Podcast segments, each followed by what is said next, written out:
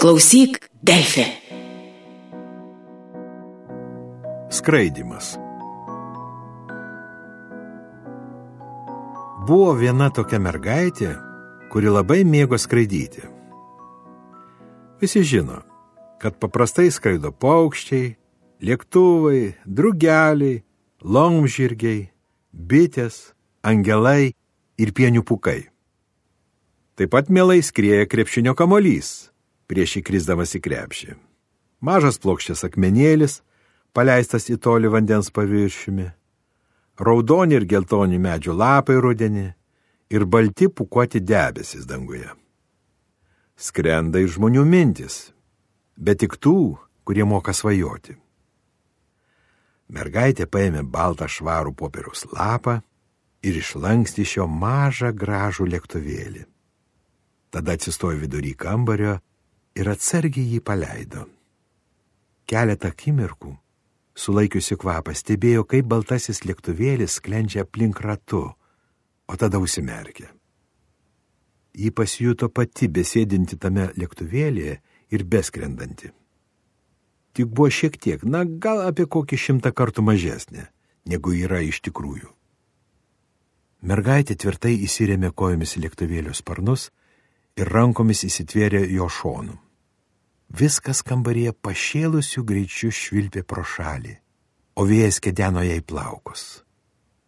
Lėktuvėlis praskrėjo šalia senos ažolinės spintos ir pro pravirą durų plyšį mergaitė spėjo pamatyti, kaip ten viduje tamsu.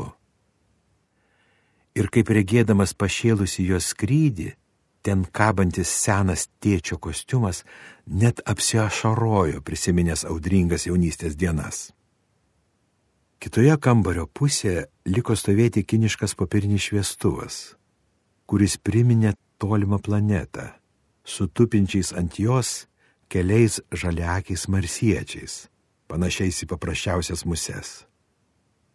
Jie nekreipė jokio dėmesio į skrendantį pro šalį svetimą lėktuvą. Mat nusprendė, kad jis nepavojingas ir nesiuošė jų pulti. Paskui mergaitė pralėkė prostovinčią ant palangės kambarinę gėlę. Ji buvo didumo sulik palmė ir skleidė laukinius džiunglių kvapus. Tik beždžionių niekur nesimatė. Ko gero jos pasislėpė, išsigandusios didelės juodos panteros, patogiai susirangiusios fotelyje. Kokia ji vis dėlto panašiai mūsų juodą į katiną? Nusistebėjo mergaitė. Tada lėktuvėlis praskrido palei ilgąją kambario sieną, nukabinėtą kaimo grožį vaizduojančiais paveikslais ir pageltonyjusiomis šeimos nuotraukomis mediniais remeliais. Iš nuotraukų į mergaitę su nuostaba žvelgia išsigandę tėvelių ir giminiečių veidai, o linksmo būdo senelė net pamojavo ją iš nuotraukos ranka.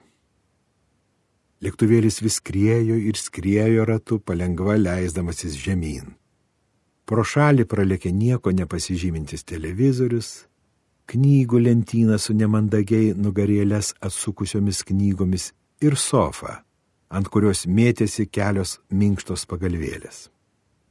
Štai kur patogu būtų nusileisti, pamanė mergaitė. Bet lėktuvėlis vis skrido tolyn. Pro komodą su klastingai ištrauktų apatiniu stačiumi, dar kartelį pro fotelį su katinu, stebėtinai panašių į juodąją panterą, ir pro muzikinį centrą, kuris šį kartą dėkui Dievui buvo išjungtas, tad iš jo negriaudėjo muzika. Kai muzikinis centras veikia, visas kambarys taip dreba, kad paskelbiami skrydžiams nepalankus orai. Dabar lėktuvėlis jau lėkė visai pažemę, ko neliesdamas medinės grindis. Paskutinį kartą dar pamėgino truputį kilstelėti ir galiausiai sklandžiai nutupė išlepetę, besimėtančią vidury kambario. O tiksliau tariant, nusileidimas buvo netoks jau ir sklandus. Kai po skrydžio mergaitė atgavo savo pirmykštį dydį, ji pasijuto besėdinti ant grindų. Matyt, besisukdama bus užkliuvusi už lepetės ir pargriuvusi. Reikės kitą kartą geriau nuvalyti nusileidimo taką, pamanė ji. Ir dėl visako pasiimti parašiutą. Klausyk, Delfė.